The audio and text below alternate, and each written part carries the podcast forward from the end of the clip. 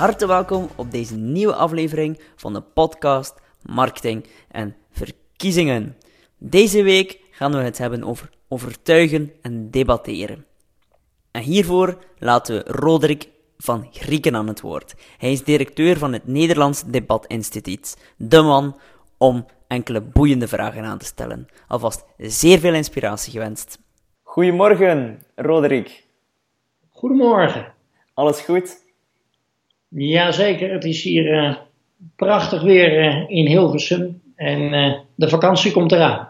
Oké, heel fijn. Hier in het Zuiderse Roeselare is het ook heel mooi weer. Um, Roderick, ja, vorige week heb ik een professor leiderschap geïnterviewd. Dat ging dan vooral rond um, wat is belangrijk, wat voor type leiders zijn belangrijk in politiek. Maar deze week gaan we het hebben over uh, overtuigen en meer bepaald rond debatteren. En jij bent daar als directeur van het Nederlandse Debatinstituut natuurlijk de autoriteit in. Zeker in, uh, in, uh, in Nederland en omstreken. Um, ja, ik denk dat jij daar wel heel veel praktische tips kan over geven. Nou, laten we kijken. Roderick, hoe, hoe word je in godsnaam autoriteit in, in debatteren? Want ja, ik heb even wat opgezocht. Je hebt wel een lange weg afgelegd. Het is uh, niet zo in 1, 2, 3 allemaal uh, vanzelf gekomen. Um, nee, de basis ligt eigenlijk in, uh, in mijn middelbare schooltijd. Ik heb de laatste twee jaar van mijn middelbare schooltijd zat ik op een kostschool in het noorden van Schotland.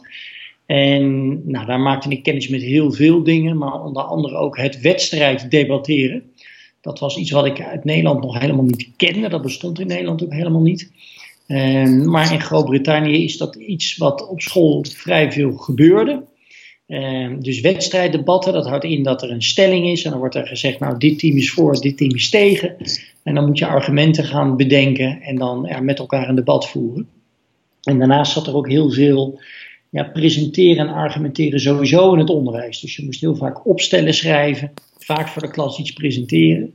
Nou, dat vond ik allebei heel erg leuk. En toen ik daarna in Nederland ging studeren, ik heb in Leiden rechten gestudeerd. En toen werd ik daar actief op mijn studentenvereniging, maar ook in de studentenpolitiek.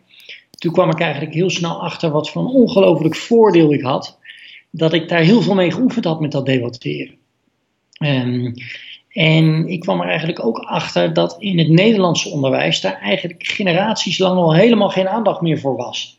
En je kan in Nederland kan je nou ja, professor worden aan de universiteit. Uh, of je kan in de Tweede Kamer komen of directeur van een bedrijf worden. En dan heb je los van de spreekbeurt die je ooit op de basisschool hebt gedaan, uh, heb je nooit meer iets van kennis gekregen over hoe overtuigingskracht werkt en hoe je moet presenteren.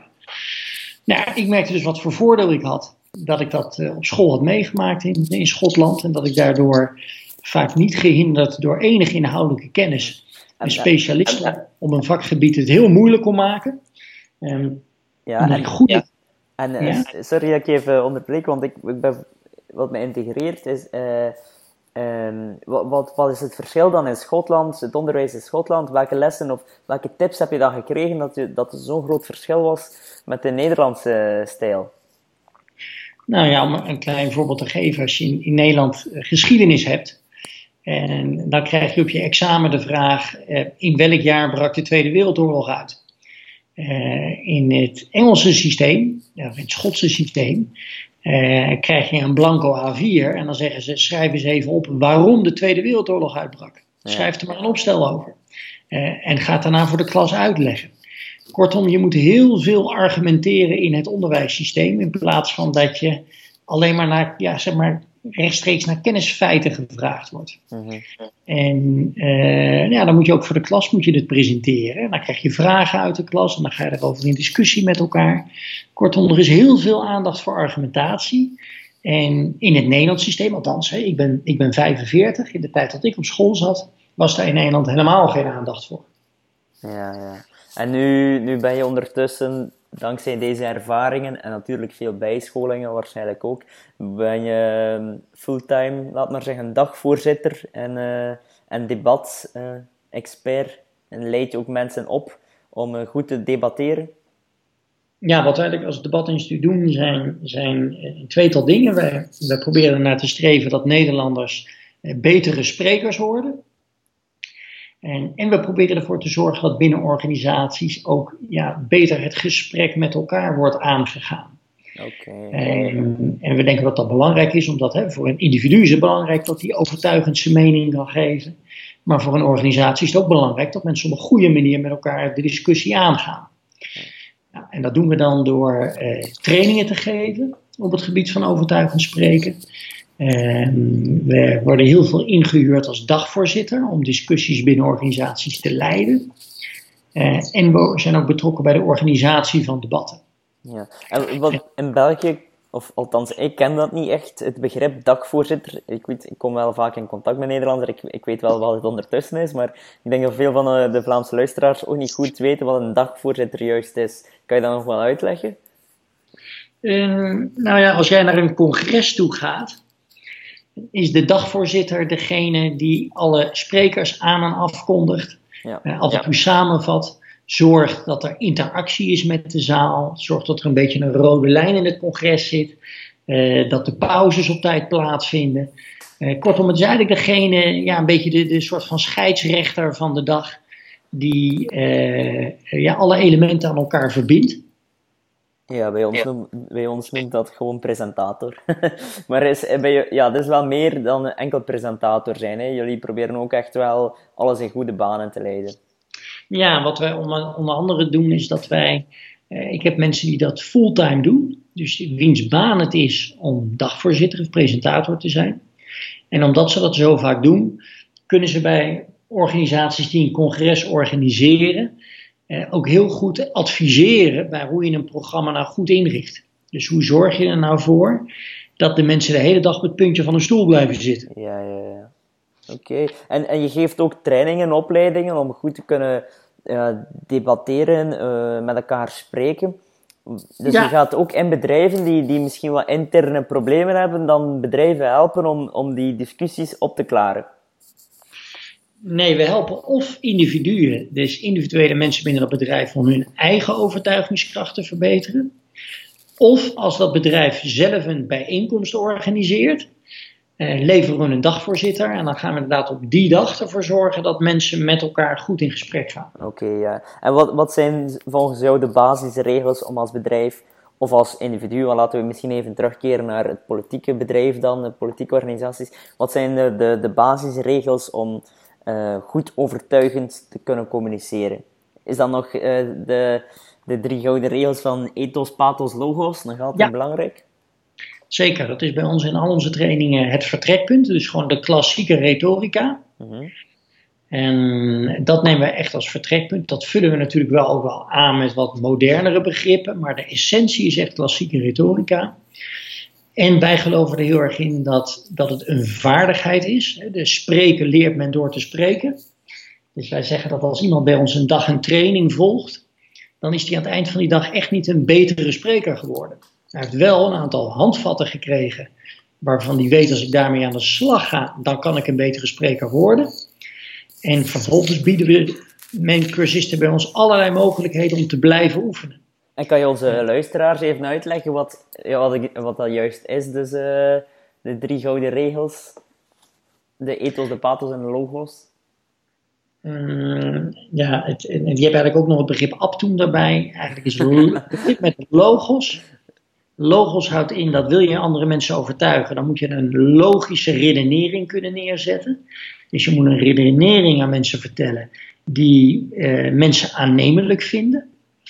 Vervolgens moet je die redenering, dat is dan een begrip pathos, zo vormgeven dat je de mensen zeg maar in hun hart raakt, dat je ze, dat je ze enthousiast maakt dat doe je bijvoorbeeld door stelfiguren te gebruiken of door drogredenen te gebruiken. Dus allerlei manieren om jouw verhaal te verfraaien. dat kan door voorbeelden te gebruiken, door een vergelijking te maken, door een beroemd iemand te citeren, door een mooie drieslag te maken. Uh, I have a dream, nou, noem maar op. Mhm. En tot slot heb je nog het begrip ethos. En het begrip ethos is dat je, wil je overtuigen, moet je ook zelf als spreker um, overtuigend zijn. Dus mensen moeten jou willen geloven als persoon. En, en uh, dus dat is het derde element. Dus je moet een goede redenering hebben, die je goed weet vorm te geven. En dat moet je doen ja, als persoon moet jij persoonlijk ook overtuigend zijn. Ja. En dan heb je het begrip aptum, dat is dan een Latijns begrip. En dat zegt hè, die drie elementen, ethos, logos en pathos. Per setting waarin je spreekt, verschilt het belang van die drie dingen. Dus in de ene setting moet je heel veel logos gebruiken en wat minder pathos. En in andere settings moet je heel veel pathos gebruiken en weinig logos. Oké, van de laatste heb ik nog nooit gehoord. Dat is uh, zeer boeiend. Dat ga ik nog even verder opzoeken ook. Ja, ehm, ja je, werd, je, werd ook, je leidde ook politici op? Of doe je dat niet zo vaak? Jawel, dat gebeurt wel. Dat is, dat is, maar dat is maar een, een, klein onderdeel van wat we doen. Hoor. Het is niet zo dat onze trainingen zich voornamelijk op de politiek richten. Voornamelijk zitten we echt in het, in het bedrijfsleven en ook wel binnen de overheid en binnen gemeenten. Eh, maar we begeleiden ook wel eens politici. Ja. Maar je, geeft je bent ook uh, vaak columnist als het gaat over, uh, of je geeft ook analyses over politieke debatten. Uh, een, van die, een van je quotes die ik uit een interview heb gehaald is rond de laatste Nederlandse verkiezingen. De campagne is inhoudelijk sterker dan ooit. Ja, dat klopt. Dus volgens jou was de laatste Nederlandse verkiezingen zeer inhoudelijk sterk. Als je het vergelijkt met eh, de verkiezingen daarvoor, eh, vond ik dat we deze keer een hele, eh, een relatief inhoudelijke campagne hadden. Ja. Ja. En wat is volgens jou het, het, het meest overtuigende of meest krachtige in politieke communicatie? Is het dan een, inhoudelijke boodschap of een emotionele boodschap? Of ja, het zal misschien waarschijnlijk genuanceerder zijn en een beetje van beide. Maar uh, waar moet je vooral de klemtoon volgens jou leggen? Nee, uiteindelijk is het meest effectief in een, uh, in een politieke campagne zijn twee dingen. Allereerst dat je een verhaal vertelt wat heel erg bij jouw persoon past. En waarvan mensen denken, hé, hey, ja, dit is, hier is die heel geloofwaardig in. Dat is eigenlijk een beetje dat ethos-principe. En, hè, dus je moet iets vertellen wat heel goed past bij jou als persoon. En het tweede wat heel goed werkt in een verkiezingscampagne is dat je de geloofwaardigheid van jouw politieke tegenstander, dat je die onderuit weet te halen. Uh, om een voorbeeld te noemen. Uh, we hadden, uh, onze vorige premier was Jan-Peter Balkenende. Dat was niet zo'n hele goede spreker. Maar bij de verkiezingen in 2006 eh, maakte hij als een heel belangrijk thema maakte die normen en waarden. Dus fatsoenlijk met elkaar omgaan.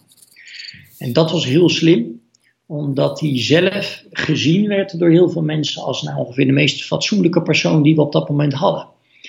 En, en dat werkt heel erg goed. Dus als een politicus een verhaal vertelt wat precies klopt met hoe mensen hem als persoon zien, dan ben je heel erg effectief bezig. Ja, er is ook iets waar ik vaak in, uh, in, in, workshops vertel, is dat je als politicus of politica topics moet durven claimen en die dan ook tegelijk uh, moet primen bij de mensen. Dus om dat even wat in, in gewone taal uit te leggen, dus je moet gekend worden, geloofwaardig worden rond een bepaald topic, door daar regelmatig iets over te vertellen, daar zaken rond te publiceren ook. En dan eh, eigenlijk de volgende stap is dat dan zo belangrijk maken dat alle mensen erover spreken. Dat is ook wat George Bush heeft gedaan, nu ook wat Donald Trump, denk ik, heeft gedaan. Hij heeft het uh, topic uh, anti-establishment zichzelf eigen gemaakt tot de met. Hij was daar ook een geloofwaardig persoon in. En heeft dat dan beginnen primen in de media en in de bij de massa. En alle mensen, of heel veel mensen, hebben gestemd om op anti-establishment, ofwel establishment. Uh, en ja, Donald Trump was daar de belichaming van, denk ik dan. Ja, ja waar. Dus je, je moet iets claimen. Maar tegelijkertijd datgene wat je claimt, moet wel heel erg bij jou passen. Bijvoorbeeld Hillary Clinton in die campagne, eh, die ging zeggen van we gaan het nu allemaal anders doen. Uh, ja, dat is niet geloofwaardig voor iemand die al zo lang in de politiek zit. Ja, dan kan je misschien helemaal gelijk hebben. Misschien had ze briljante ideeën hoe we het allemaal anders moeten gaan doen.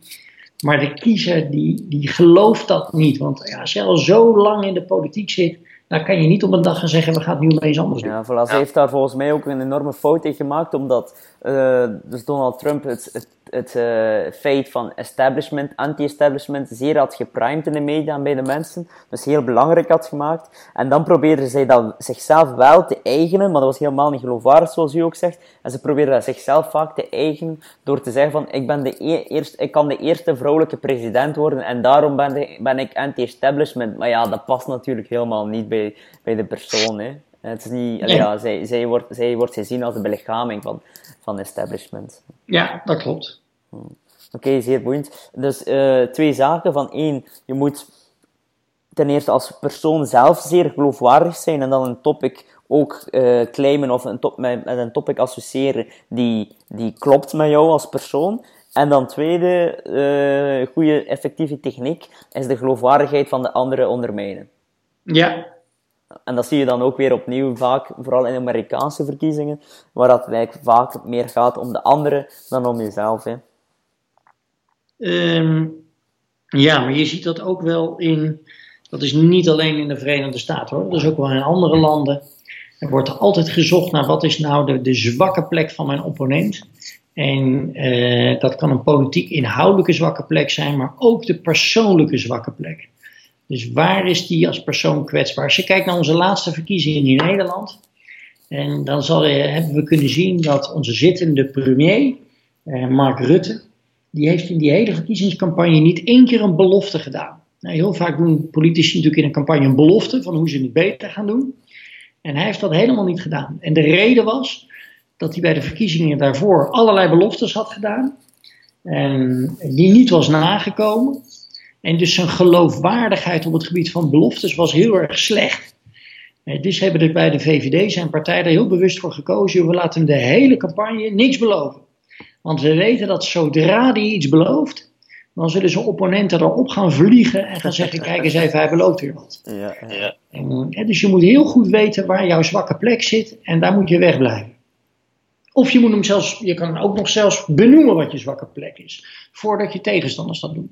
Ja, dat zou dan bijvoorbeeld kunnen zijn als je als jong persoon, bijvoorbeeld Jesse Klaver die zeer jong is, die dan bijvoorbeeld al vanaf het begin zegt, met dat ik zo jong ben, kan ik een nieuwe frisse wind, ben ik vernieuwing, ja, oké, ja. Ja. Dus dan speel je alleen op je negatieve zaken van misschien minder ervaring, maar net omdat ik minder ervaring heb, kan ik voor vernieuwing zorgen. Ja. Ja, ja oké, zeer boeiend. En eh, als je de andere zijn, eh, geloof, of haar geloofwaardigheid probeert te ondermijnen, is het gevaar dan niet dat je een te negatieve campagne zal voeren en dat dan als een boemerang terugkeert? Um, nou ja, je moet er natuurlijk altijd voor waken dat je, uh, je moet aan de ene kant moet je de, de, de ander onderuit halen. Tegelijkertijd moet je wel zelf ook een eigen verhaal hebben. Dus je kan niet uh, alleen maar zeggen de ander is slecht. En je moet wel zelf er iets tegenover zetten waarom jij goed bent. Um, dus je kan niet alleen maar volstaan met de anderen zwart maken.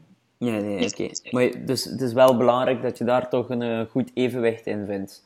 Ja. En, uh, ik denk ook niet, allee, wat ik ook opmerk uit mijn data-analyses die ik doe voor politieke partijen, is dat eigenlijk positieve berichten over hunzelf meestal eigenlijk altijd veel beter werken dan negatieve berichten over een ander. Maar dan is het wel specifiek op sociale media, dus dat is wel nog een iets andere context. Ja. Ja, dat geloof ik ook wel. Ja. Oké, en, en een andere quote die ik van jou had gevonden um, gaat al specifiek over de PvdA, die natuurlijk ja, een gigantisch uh, verkiezingsnederlaag heeft geleden. En uh, jij had uh, voor de verkiezing, dus voor de verkiezing van de leider bij PvdA, van Ascher, gezegd van de PvdA-leden zouden beter op Samson stemmen. Ja. Kijk dan, waarom had jij dat dat inzicht, uh, want uiteindelijk, achteraf gezien, hadden ze inderdaad beter op Samson uh, gestemd. Denk ik. Ja, uh, ja ik, denk, ik denk, maar dat kan ik natuurlijk nooit bewijzen, maar ik denk dat hij het uiteindelijk veel beter gedaan zou hebben in de campagne dan, dan Lodewijk Asscher. Ja, daar waren eigenlijk heel veel redenen voor. Maar allereerst is, ja, campagnevoeren is echt wel een vak. En dat is, het is ongelooflijk intensief. En het is gedurende een langere periode gewoon ja, 24-7 moet je aanstaan en moet je energie uitstralen. Eén kleine verstapping kan je een campagne kosten. En Diederik Samsom had bij de verkiezingen 2012 bewezen, en ook daarna wel, dat hij gewoon een hele goede campaigner is. Dus iemand die daar vreselijk veel plezier aan beleeft. Uh, ja, en die ook echt 24-7 aan kan gaan. Dus dat was één reden waarom ik dacht, hé, hey, dat, is zonde om, om Samson dat niet te laten doen. Want die, um, ja, die heeft bewezen dat hij dat kan. Ten tweede vond ik dat hij het beter zou kunnen doen, omdat hij Ehm, eh, omdat hij qua persoon een beetje onderscheidend is ten opzichte van de rest. Dus als ik naar het plaatje keek van verkiezingsdebatten, dacht ik, als je nou, Alexander Pechtold, Emiel Roemer en Lodewijk Asscher naast elkaar zet, dan zijn dat alle drie een beetje dezelfde type figuren. En terwijl bij Diederik Samson, die ziet er al wat anders uit en heeft ook een wat andere uitstraling. En dat helpt enorm. Hè? Alleen, alleen al in het plaatje moet jij anders zijn dan de rest. En, dus dat was een tweede reden waarom ik dacht dat, dat hij dat beter zou doen. En er waren ook een paar redenen waarom ik dacht dat Lodewijk Asscher het gewoon minder goed zou doen. En allereerst omdat hij eh, niet vernieuwing kon zijn. Het ging heel slecht met de Partij van de Arbeid. Dus als er iemand anders neerzet, dan moet het echt een nieuw iemand zijn. En dat is Lodewijk Asscher niet. Dus dat is niet opeens een heel nieuw gezicht wat mensen zien. Het is gewoon de, dezelfde vertegenwoordiger die dezelfde verantwoordelijkheid heeft gedragen over de Partij van de Arbeid als Samson. Dus het was geen vernieuwer. En ten tweede had ik mijn twijfels bij of hij wel een goede campagnevoerder was. Eh, want hij wat, is, wat is volgens jou dan een goede campagnevoerder? Wat zijn de eigenschappen? Nou ja, bij een campagnevoerder moet je op een gegeven moment de mouw opstropen. Moet je ook eh, eh, uiteraard in verbale zin iemand een keer gewoon een, een, stevige tik uitdelen. Uh, een campagne gaat er heel hard aan toe en kan ook heel persoonlijk zijn. En daar moet je ook ervaring in hebben. En, en Lodewijk Asscher had dat niet heel erg. Die is als bestuurder heel ervaren. En ik zag een beetje hetzelfde gebeuren als wat vier jaar eerder met, uh, of nee, zes jaar daarvoor met Job Cohen gebeurde. Een hele kundige bestuurder waar iedereen heel veel respect voor heeft. Maar op het moment dat je campagne moet gaan voeren, uh, ja, dat vraagt wat anders van je. En, Mark Rutte kan dat kan heel goed allebei doen. Dus die is en goed als bestuurder, maar die kan ook als die campagne voert op een gegeven moment iemand snoeihard onderuit halen met een grote glimlach op zijn gezicht. en, ja, en dat is wat je echt nodig hebt als politicus in een campagne. En, en ja, dan moet je je mouwen opstropen. Uh, ja, dan moet je bereid zijn om een, om een tik uit te delen. En ik had er twijfels bij of uh, Lodewijk Asscher dat goed en geloofwaardig zou kunnen. Ja, en, en uh, wat is dan het als je dan één kenmerk van een goede campagnevoerder tussen die twee vergelijkt, waar was de ene dan beter in? Dan het, ja, het uit, er kunnen uitdelen van een tik, maar dan puur naar debatteren toe, want daar ben je natuurlijk ook een expert bent, puur naar debatteren toe, wat kon de een beter dan de ander? wat de een meer in zich heeft, is gewoon een, 100% plezier in het campagne voeren en in het debatteren. Het gewoon leuk vinden, dag en nacht om dat te doen.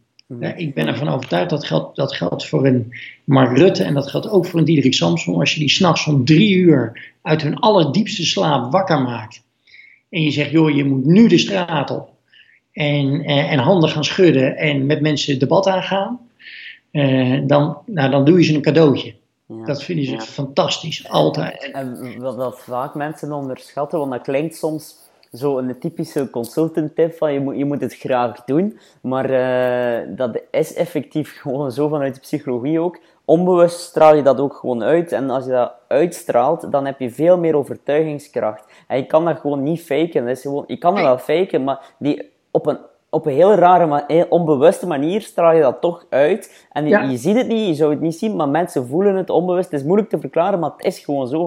Het is gewoon zo. Eh, eh, dat maakt een ongelooflijk verschil. Ook in presenteren, als je daar met passie staat, met zin, met, met, op zijn Vlaamse zeg, met goesting, ja, dan, dan, dan dat doe je dat gewoon. En dan, dat straal je dat gewoon uit. En dat is een ongelooflijk verschil. Ook al ben je misschien niet de beste spreker of zoiets, maar als je gepassioneerd bent, dan straal je dat uit en kan je mensen veel beter overtuigen. Eh, helemaal eens. En, dan, en daar, ik denk dat je, uh, kijk, als je een keer een speech moet houden, eh, dan kun, je, dan kun je dat ook wel nog een beetje faken. Mhm. En dan kan je ook echt nog wel geloofwaardig overkomen. Maar een campagne is gewoon 24 uur per dag, twee maanden lang. Ja. En dan ben ik het helemaal met jou eens. Dan, dat kun je niet spelen. Dan, dan moet je het gewoon echt oprecht fantastisch vinden om daar te staan. Okay. Oké, okay, Roderick, we gaan uh, binnenkort, we gaan uh, straks afsluiten. Nog één uh, kleine vraag die ik had. naar debatteren toe, waar ik me altijd afvraag is, in een, debat, een televisiedebat, of ja, even een, normaal debat, laten we zeggen tussen uw beste vriend en jezelf. Ja, als je debatteren, of begint te debatteren, wil je tot een consensus komen. Wil je elkaar begrijpen, wil je een oplossing vinden. Maar in een televisiedebat is dat natuurlijk helemaal anders, want die twee politici, twee fractieleiders, die gaan elkaar nooit kunnen overtuigen, maar die moeten de, de, ja, de kijker overtuigen. En ik vermoed dat dat twee heel andere zaken zijn, of niet?